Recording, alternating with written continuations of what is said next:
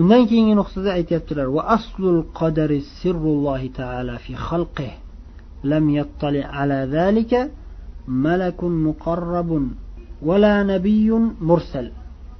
Aslul qadar ya'ni qazoi qadarning asl haqiqati degan qazoi qadarning asl haqiqati maxluqotlardan bandalardan sir tutilgan. Alloh taolo o'zi sir tutgan narsa bu. Ushbu maxfiy sirli ma'lumotdan biron bir muqarrab farishta ya'ni buyuk farishta ham hech qaysi bir farishta ham va hech qaysi bir payg'ambar rasul darajasi ko'tarilgan risolat olib kelgan payg'ambar ham xabar topmagan. Ya'ni bu sir tutilgan g'ayb ilmi maxfiy olloh o'zi bekitib qo'ygan tagini topib yetolmaydi hech kim qadarning asli haqiqati nimaga bunday nimaga unaqa bunaqa deb turib qidirib surishtirib baribir hech kim tagiga yetolmaydi olloh buni sir tutgan. Va buni alloh taolo sir tutganligi juda ham buyuk hikmatlarga binoan alloh taolo hech narsani hech qanday bir ish qilmaydi juda illo magaram juda ham buyuk hikmatiga binoan ish qiladi alloh taolo. Taqdir haqida alloh taolo sir tutgan narsalar haqida munozara qilishdan va fikr yuritishdan va vasvasalarga quloq solishdan juda ham qattiq ehtiyot bo'lish lozim zero alloh taolo taqdir ilmini maxluqotdan bekitib qo'ygan va uni bilishga intilishdan bandalarini qat'iy qaytargan والتعمق والنظر في ذلك ذريعة الخذلان وسلم الحرمان ودرجة الطغيان bu narsada chuqur ketish ya'ni taqdirni qazoi qadarni tagini asli haqiqatini topaman deb harakat qilishlik va bu borada fikru xayolotlarini yurg'izishlik aqlu zakovatlarini ishlatishlik ya'ni taqdirni tagiga yetaman deb kim kelajakda nima bo'ladi nima uchun unday bo'ladi deb topaman deb harakat qilishlik zariatul xizlan alloh taolo bunday kimsani shunday harakat qiladigan kimsani olloh sir tutgan narsalarni bilaman deb harakat qiladigan kimsani tashlab qo'yadi yordamsiz tashlab qo'yadi degan ma'noda aytadilar. Zariatul xizlan ya'ni tashlab qo'yilishlikka sabab bo'ladi. Bu odam hech qanday bir madad yordamsiz tashlab qo'yiladi. Ya'ni xor bo'ladi bu dunyoda. Va sullamul hirman mahrumlik pog'onasi allohni sirlarini ochaman topaman deb harakat qilishlik ilmdan mahrum bo'lishlikka va baxtu saodatga erishishdan mahrum bo'lishlikka olib boradigan pog'ona.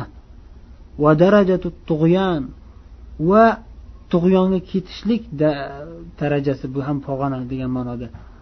Ya'ni bunday kimsalar ollohni sirlarini bekitib qo'ygan narsalarni topaman deb g'ayb ilmini davo qilgan kimsalar tug'yonga ketadigan odamlar. Kufru zalolatda haddan oshib ketadigan kimsalar bo'ladi. Ya'ni birdaniga shu darajaga ketib qolmas shu darajaga yetmasligi mumkin. Ya'ni birdaniga katta kofir katta tog'utga aylanmasligi mumkin.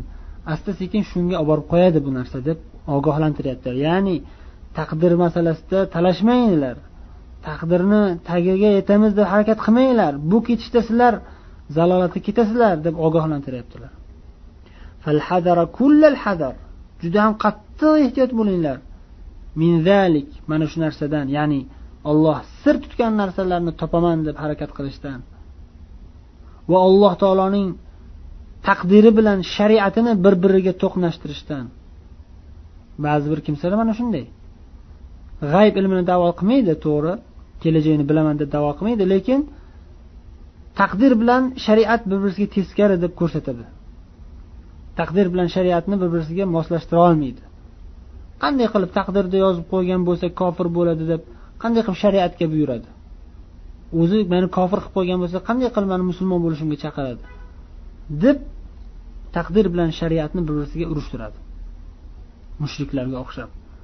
Bu iblisiya bu shaytoniy hiyla shaytoniy fikr. Shaytondan kelgan fikr bu. Mana shunday qilib odamlarni shayton adashtiradi.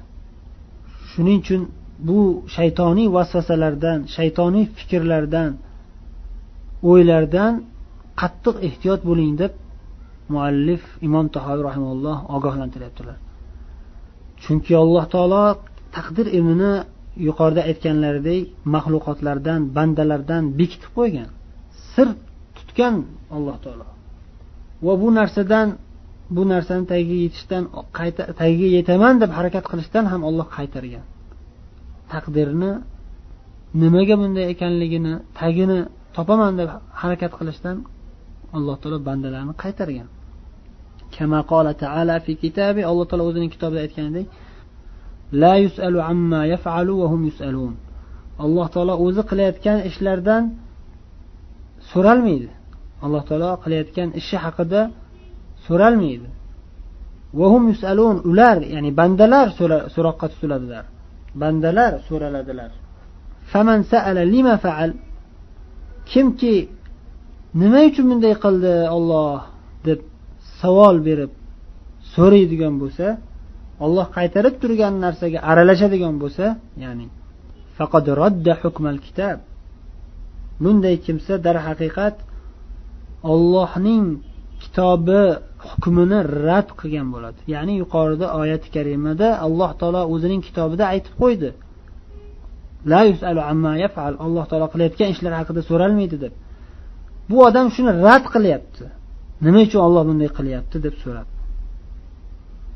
ومن رد حكم الكتاب كان من الكافرين kimki kitobni ya'ni qur'oni karimning hukmini rad qilsa bas u odam kofirlardan bo'ladi فهذا جملة ما يحتاج إليه من هو منور قلبه من أولياء الله تعالى وهي درجة الراسخين في العلم dedilar imom tuhoviy mana shu narsa ya'ni mana shu yuqorida yozilgan masalalar aqidai tahoviyada bayon qilinayotgan mana shu masalalar jumlatu ma yahtaju ilayhi man huwa munawwarun qalbu min avliyaillahi taala. Allohning do'stlari qatori qalbi iymon nuri bilan munavvar bo'lgan qalbi yorug' bo'lgan kishi uchun zarur bo'lgan to'plam jumla ya'ni bir to'plam e'tiqodiy masalalardir.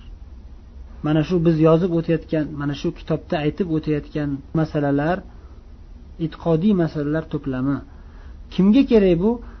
Kimki qalbi munavvar bo'lishini xohlasa olloh bergan ilm bilan shariat ilmi bilan va allohning madadi va izni ila qalbi nuroniy bo'lishni xohlasa va baxtli bo'lishni xohlasa ikki olamda baxtli bo'lishni xohlasa allohning avliyolari tutgan yo'ldan yurib mana shu e'tiqodlarga mana shu masalalarga e'tiqod qilsin amal qilsin.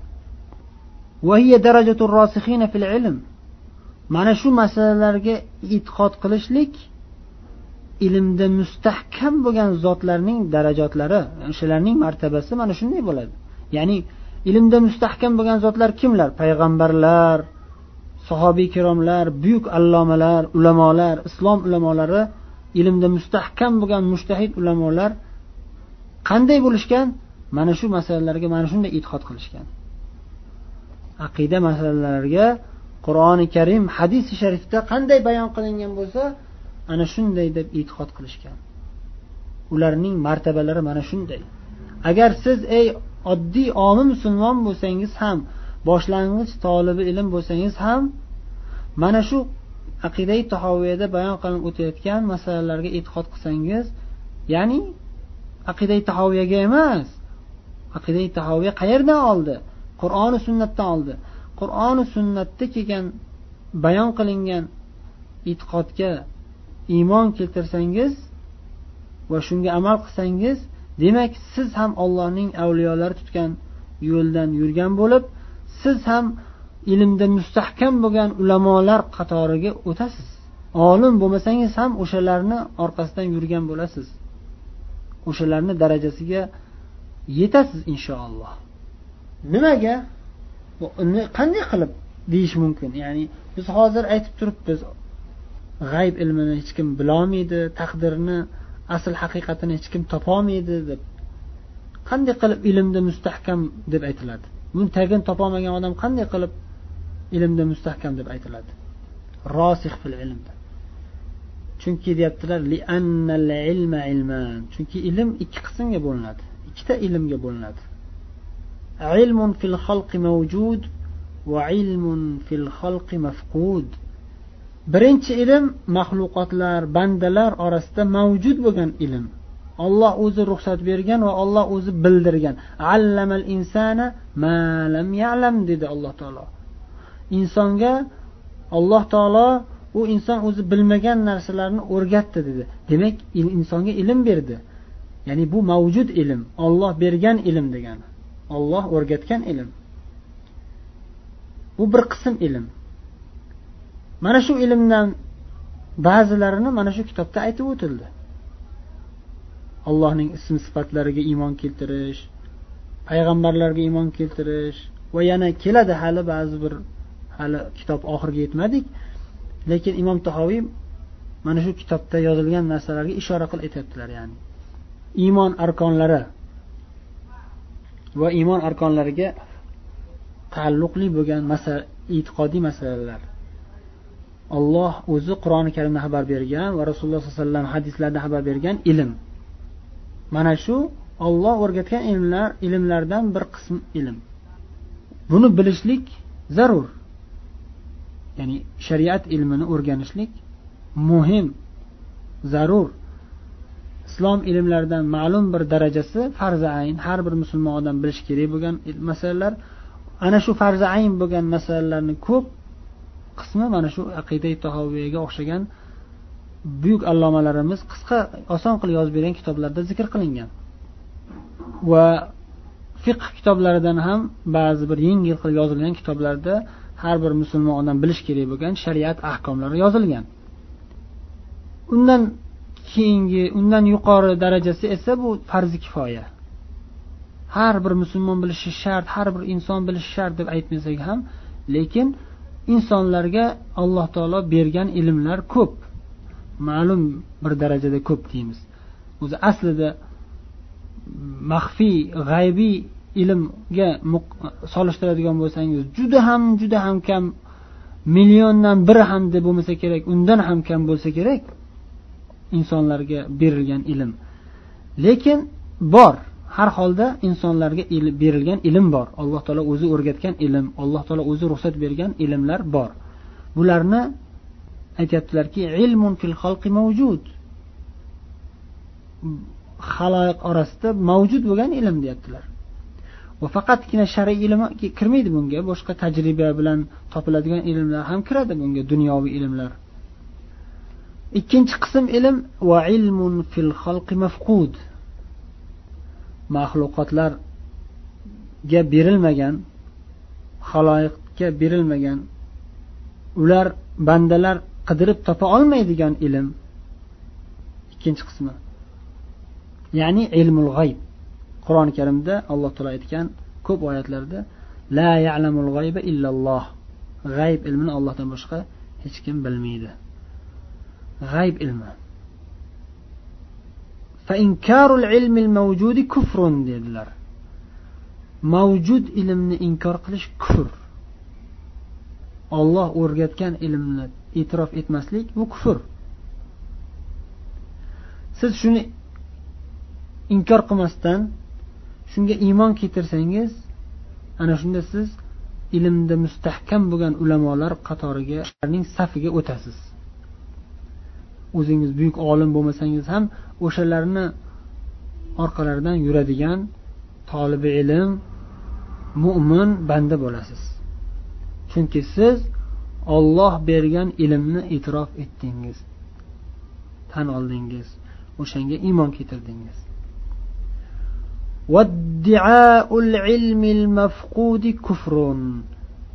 Buning muqobilida mafqud ilmni alloh taolo bekitib qo'ygan ilmni bandalar qidirib topolmaydigan ilmni esa iddao qilish davo qilish bilaman deb davo qilish yoki o'shani bilishga harakat qilish kufrun dedilar. Kufr.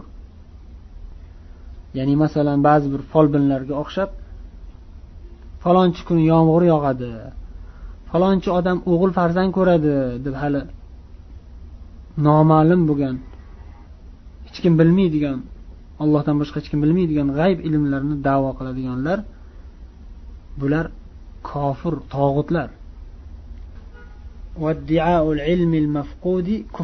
mafqud ilm ya'ni bandalar topolmaydigan ulardan sir tutilgan bekitib qo'yilgan ilmni davo qilish ham kufr deyaptilar ولا يثبت الإيمان إلا بقبول العلم الموجود وترك طلب العلم المفقود ولا يثبت الإيمان إيمان صابت bo'lmaydi iymon qalbda mustahkam o'rnashmaydi magaram mavjud ilmni qabul qilish bilan va mafqud ilmni g'ayb ilmini qidirishni tark etish bilan iymon sobit bo'ladi. Olloh bekitib qo'ygan ilmlarni izlashdan tiyilib olloh bergan ilmlarni qabul qilgan shu bilan kifoyalangan odam iymonda sobit qadam bo'ladi inshaalloh. mana shunday deyaptilar. Keyingi nuqtada aytyaptilar nu'minu qalam bi jami'i ma fihi qad ruqim. Lavhga iymon keltiramiz. Qalamga iymon keltiramiz. Lavhga bitilgan barcha narsalarga ham iymon keltiramiz deyaptilar. Ya'ni olloh yozib qo'ygan deb iymon keltiramiz. Uni ichida nimalar bor? nima deb yozilgan bilmasak ham o'sha qiyomatgacha bo'ladigan hamma narsa yozilgan deb iymon keltiramiz فلو اجتمع الخلق كلهم على شيء كتبه الله تعالى فيه أنه كائن ليجعلوه غير كائن لم يقدروا عليه alloh taolo lavhda albatta shu narsa bo'ladi deb yozib qo'ygan narsani amalga oshirmaslik uchun o'sha narsani olloh bo'ladi deb yozib qo'ygan narsani bo'lmaydigan qilish uchun barcha haloyiqlar jamlanib to'planib birgalikda harakat qilsalar ham baribir qodir bo'lolmaydilar o'sha narsani qaytarishga ولو اجتمعوا كلهم على شيء كتبه الله تعالى فيه أنه غير كائن ليجعلوه كائنا لم يقدروا عليه alloh taolo lavhda lavhil mahfuzda ya'ni shu narsa bo'lmaydi voqe bo'lmaydi amalga oshmaydi deb yozib qo'ygan narsani. Albatta shu narsani ishga amalga oshiramiz deb barcha haloyiq to'planishib harakat qilishsa ham baribir o'sha narsani paydo qilisholmaydi o'sha narsaga hech qanday bir kuchlari yetmaydi. Toqatlari aslo yetmaydi hech narsa qilisholmaydi alloh taolo o'sha narsa bo'lmaydi dedimi? Bo'lmaydi. Ya'ni masalan misol uchun ana bugun o'zlaricha bugungi rivojlangan ilm taraqqiyot fazo kemalari bilan mag'rurlanib turli xil texnikalarni paydo qilishgani bilan mag'rurlanib ba'zida quloqqa chalinadiki yer yuzidan boshqa joyda yashash mumkinmikin? Yerga o'xshagan yana boshqa yulduz planeta bormikin deb izlanib yotishibdiki kelajakda balkim o'sha yoqqa borib yashash ilojisi bo'lishi mumkin. Shuni amalga oshiramiz. Shunga balkim erishishimiz mumkin deb harakat qilib yotishibdi. Bu o'sha qo'llardan kelmaydigan ishlardan bittasi har qancha harakat qilishsa ham texnikalarni har qancha kuchaytirishsa ham baribir erishisholmaydi nimaga? Chunki alloh taolo qur'onda xabar berib qo'ydiki minha xalaqnakum va fiha nu'idukum va minha nukhrijukum taratan ukhra. Sizlarni mana shu yerdan yaratdik tuproqdan yaratdik deb alloh o'zi xabar bergan. Shu yer tuprog'idan yaratgan olloh bizni yana qaytadan shu yerga kirgizamiz degan. O'lib odamlar shu qabrga ko'milib yerga kiradi baribir. Osmonda fazoda parcha parcha bo'lib portlab ketib yo'q bo'lib ketsa ham baribir yerga tushadi. Qaytadan yerdan tiriladi. Biz ko'rmasak ham bilmasak ham osmonda yo'q bo'lib ketdi deb o'ylasak ham baribir shu yerdan chiqaradi alloh taolo ularni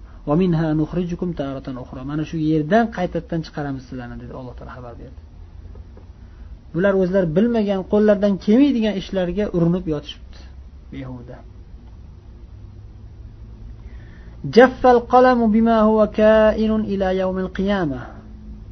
Qiyomatgacha paydo bo'lishi yozilgan narsalarni yozib bo'lgandan keyin qalam quridi deyaptilar. Qiyomatgacha bo'ladigan voqealarni alloh taolo lavhul mahfuzga yozib qo'ygan va o'sha narsalarni yozgan qalam yozib bo'lgandan keyin qalam ko'tarildi rufiatil aqlam boshqa hadislarda keladi qalamlar ko'tarildi degan. Suhuf sahifalar yozilgan sahifalar quridi degan. Taqdirda bitilgan narsalar ya'ni o'zgarmaydi quridi. U alloh taolo bir narsani bilmasdan yozib qo'yib e mana buni xato yozib qo'yib biz buni o'chirib boshqatdan yozinglar degan narsa yo'q alloh taoloda alloh taolo esidan chiqib qolmay chiqib qoladigan zot emas hech narsa alloh taolodan alloh taoloning ilmidan chetda qolmaydi la yaxfa alallohi shay alloh taologa hech narsa maxfiy bo'lib qolmaydi وما أخطأ العبد لم يكن ليصيبه وما أصابه لم يكن ليخطئه bandaga tegmay qolib o'tib ketgan musibat lam yakun liyusiba unga tegmas edi baribir deyaptilar. Lam yakun unga boshiga tushgan ana shu musibat baribir shuni boshiga tushishi kerak edi. Lam yakun unga tegmasdan o'tib ketib qolmas edi baribir tegardi degan ma'noda. Buni hadisdan olganlar mashhur sahih hadisda imom termiziy rivoyat qilgan va boshqa imom muhaddis rivoyat qilgan hadisda rasululloh sollallohu alayhi vasallam ibn abbosga nasihat qilib aytganlar يا غلام إني أعلمك كلمات احفظ الله يحفظك احفظ الله تجده تجاهك تعرف على الله في الرخاء يعرفك في الشدة deb nasihatlar qilib aytdilarki واعلم أن الأمة لو اجتمعت على أن ينفعوك بشيء لم ينفعوك بشيء إلا بما كتبه الله لك وإن اجتمعوا على أن يضروك بشيء لم يضروك بشيء إلا بما قد كتبه الله عليك. رفعت الأقلام وجفت الصحف. يانا بشخر واعلم أن ما أخطأك لم يكن ليصيبك وما أصابك لم يكن ليخطئك. ديان مانا شو حديثة؟ demak biz yuqoridagi aytib o'tgan narsalarimiz mana shu صحيح aytildi رسول الله صلى الله عليه وسلم o'zlari xabar berdilar ey g'ulom dedilar ibn abbosga xitob qilib. Ey bolakay dedilar. Inni uallimuka kalimat men senga bir necha kalimalarni ta'lim o'rgataman dedilar. Yaxshilab quloq solib turgin deb degan ma'noda. Ihfazillaha yahfazk. Sen ollohni doimo yodingga olgin alloh taolo doimo seni o'zi hifz himoyasida saqlaydi dedilar. Taarraf alallohi fi fi shidda. Sen osoyishta holatda bo'lganingda xotirjam vaqtlaringda ham ollohni eslab yurgin. Qiyinchilikka tushib qolganingda ham olloh o'shanda seni eslaydi yodiga oladi. Ya'ni olloh doim biladi kuzatib turadi lekin ya'ni madad berishligini to'xtatib qo'ymaydi. Doimo alloh taologa tavakkul qilib va doimo alloh taologa yolvorib yashab yurgan odam oddiy e, tinchlik osoyishtalik soppa sog' sog' salomat kuchli baquvvatli boy badavlat bo'lib yurgan kunlarida ham alloh taoloni yoddan chiqarmagan doim alloh taologa bog'lanib yurgan odam boshiga og'ir musibatlar kelganda ham alloh taolo uni tashlab qo'ymaydi. Alloh taolo uni o'zi u odamga eng foydali bo'lgan narsalarni beradi. Qiyin musibatda bo'lsa ham boshiga og'ir musibatlar tushsa ham u odam qalbi xotirjam bo'ladi. Dinda sobit qadam bo'ladi. Hech qachon nolimaydi. Nimaga man yaxshi e, ibodat qilardimku alloh taologa? Boy badavlat bo'lib yurganimda ko'p xayr ehsonlar qilgandimku.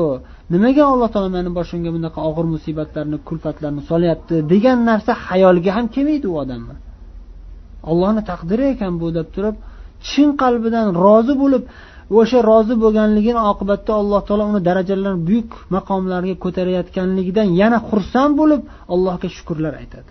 Haqiqiy mo'min banda mana shunday bo'ladi. Yana sahih hadisda rasululloh sollallohu alayhi vasallam xabar berganlaridek ajabanli amril mo'min inna amrahu kullahu lahu khayr. In asobathu sarro shakara fakana khayran la va in asobathu darro sabara fakana khayran la va laysa zalika illa lil mu'min. Mo'min kishining ishiga ajoyib qolasiz haqiqatdan qoyil qolasiz degan ma'noda aytyaptilarki unga bir xursandchilik yaxshilik kenglik kelsa ham yaxshi bo'ladi unga chunki u allohga shukur qiladi. Boylik badavlat bo'lishlik mansabmi boshqami farzandlarmi yaxshi hayot moddiy yaxshiliklar bo'ladimi yoki ma'naviy yaxshiliklar bo'ladimi qanaqa yaxshilik kelsa u alloh taologa darhol shukur qiladi. Ana shu mo'min banda. Nima bo'ladi natijada? Natijada unga yaxshi bo'ladi. Uni iymoni kuchayadi va uni darajalari oshadi savoblari ko'payadi. Unga bir musibat og'ir e, kulfat zarar kelsa kasal bo'lib qoladimi? Yoki boshqa og'ir musibatlar keladimi? Farzandi o'lib qoladimi ota onasi o'lib qoladimi yoki boy badavlat bo'lib turgan paytda birdaniga mol mulklardan ayrilib qoladimi yoki tinch yashayotganda urush janjallar bo'lib qamalib ketadimi yoki o'ldirib yuboriladimi boshqa bo'ladimi nima bo'lsa ham u odam hech qachon xafa bo'lmaydi. Sabr alloh uchun sabr qiladi. Natijada bu ham unga yaxshilik bo'ladi. Chunki mana shu sabr qilganligi uchun ham alloh unga ajr mukofotlar beradi buyuk maqomlarga ko'taradi uni. Keyingi nuqtada aytyaptilar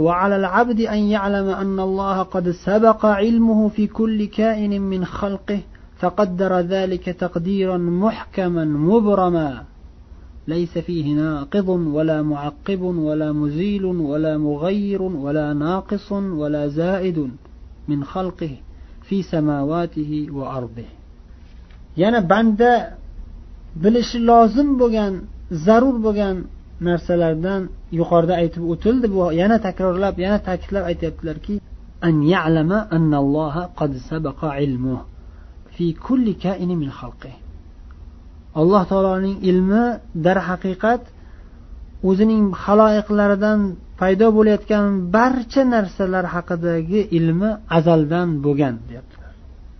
Bandalari maxluqotlari bajaradigan qiladigan ishlari o'shalarni qo'li bilan sodir bo'ladigan narsalar va boshqa barcha koinotda ro'y berayotgan voqealar hammasi alloh taologa avvaldan ma'lum bo'lgan olloh avvaldan bilgan bu narsalarni. Va alloh taolo bu narsalarni juda ham mustahkam suratda hech qanday o'zgarmaydigan tarzda taqdir qilib qo'ygan. Laysa fihi ila ya'ni osmonlaru yerdagi biron bir maxluq ushbu taqdirni buzishga qodir bo'ladigan buzuvchi ham bo'lolmaydi va buni kechiktirib orqaga surib tashlovchi ham bo'lolmaydi yoki vala muzil uni o'zgartirib yoki surib tashlaydigan yo'qotib yuboradigan ham bo'lolmaydi. Vala mug'ayyir uni o'zgartirib tashlaydigan hech qanday o'zgartiruvchi ham yo'q. Vala naqisun va buni kamaytiruvchisi ham yo'q. Alloh taolo yozib qo'ygan taqdirda bitib qo'ygan narsalarni osmonlar u yerdagi biron bir maxluq kamaytira olmaydi. Yoki u yerlarda osmonlar u yerlarda alloh taoloning maxluqotlaridan birontasi kamayib ham qolmaydi bu yozib qo'yilgan narsadan va ko'payib ham ketmaydi dedilar imom tahoviy haqiqatda bu narsalar qur'oni karimda bayon qilingan ochiq oydin haqiqatlar.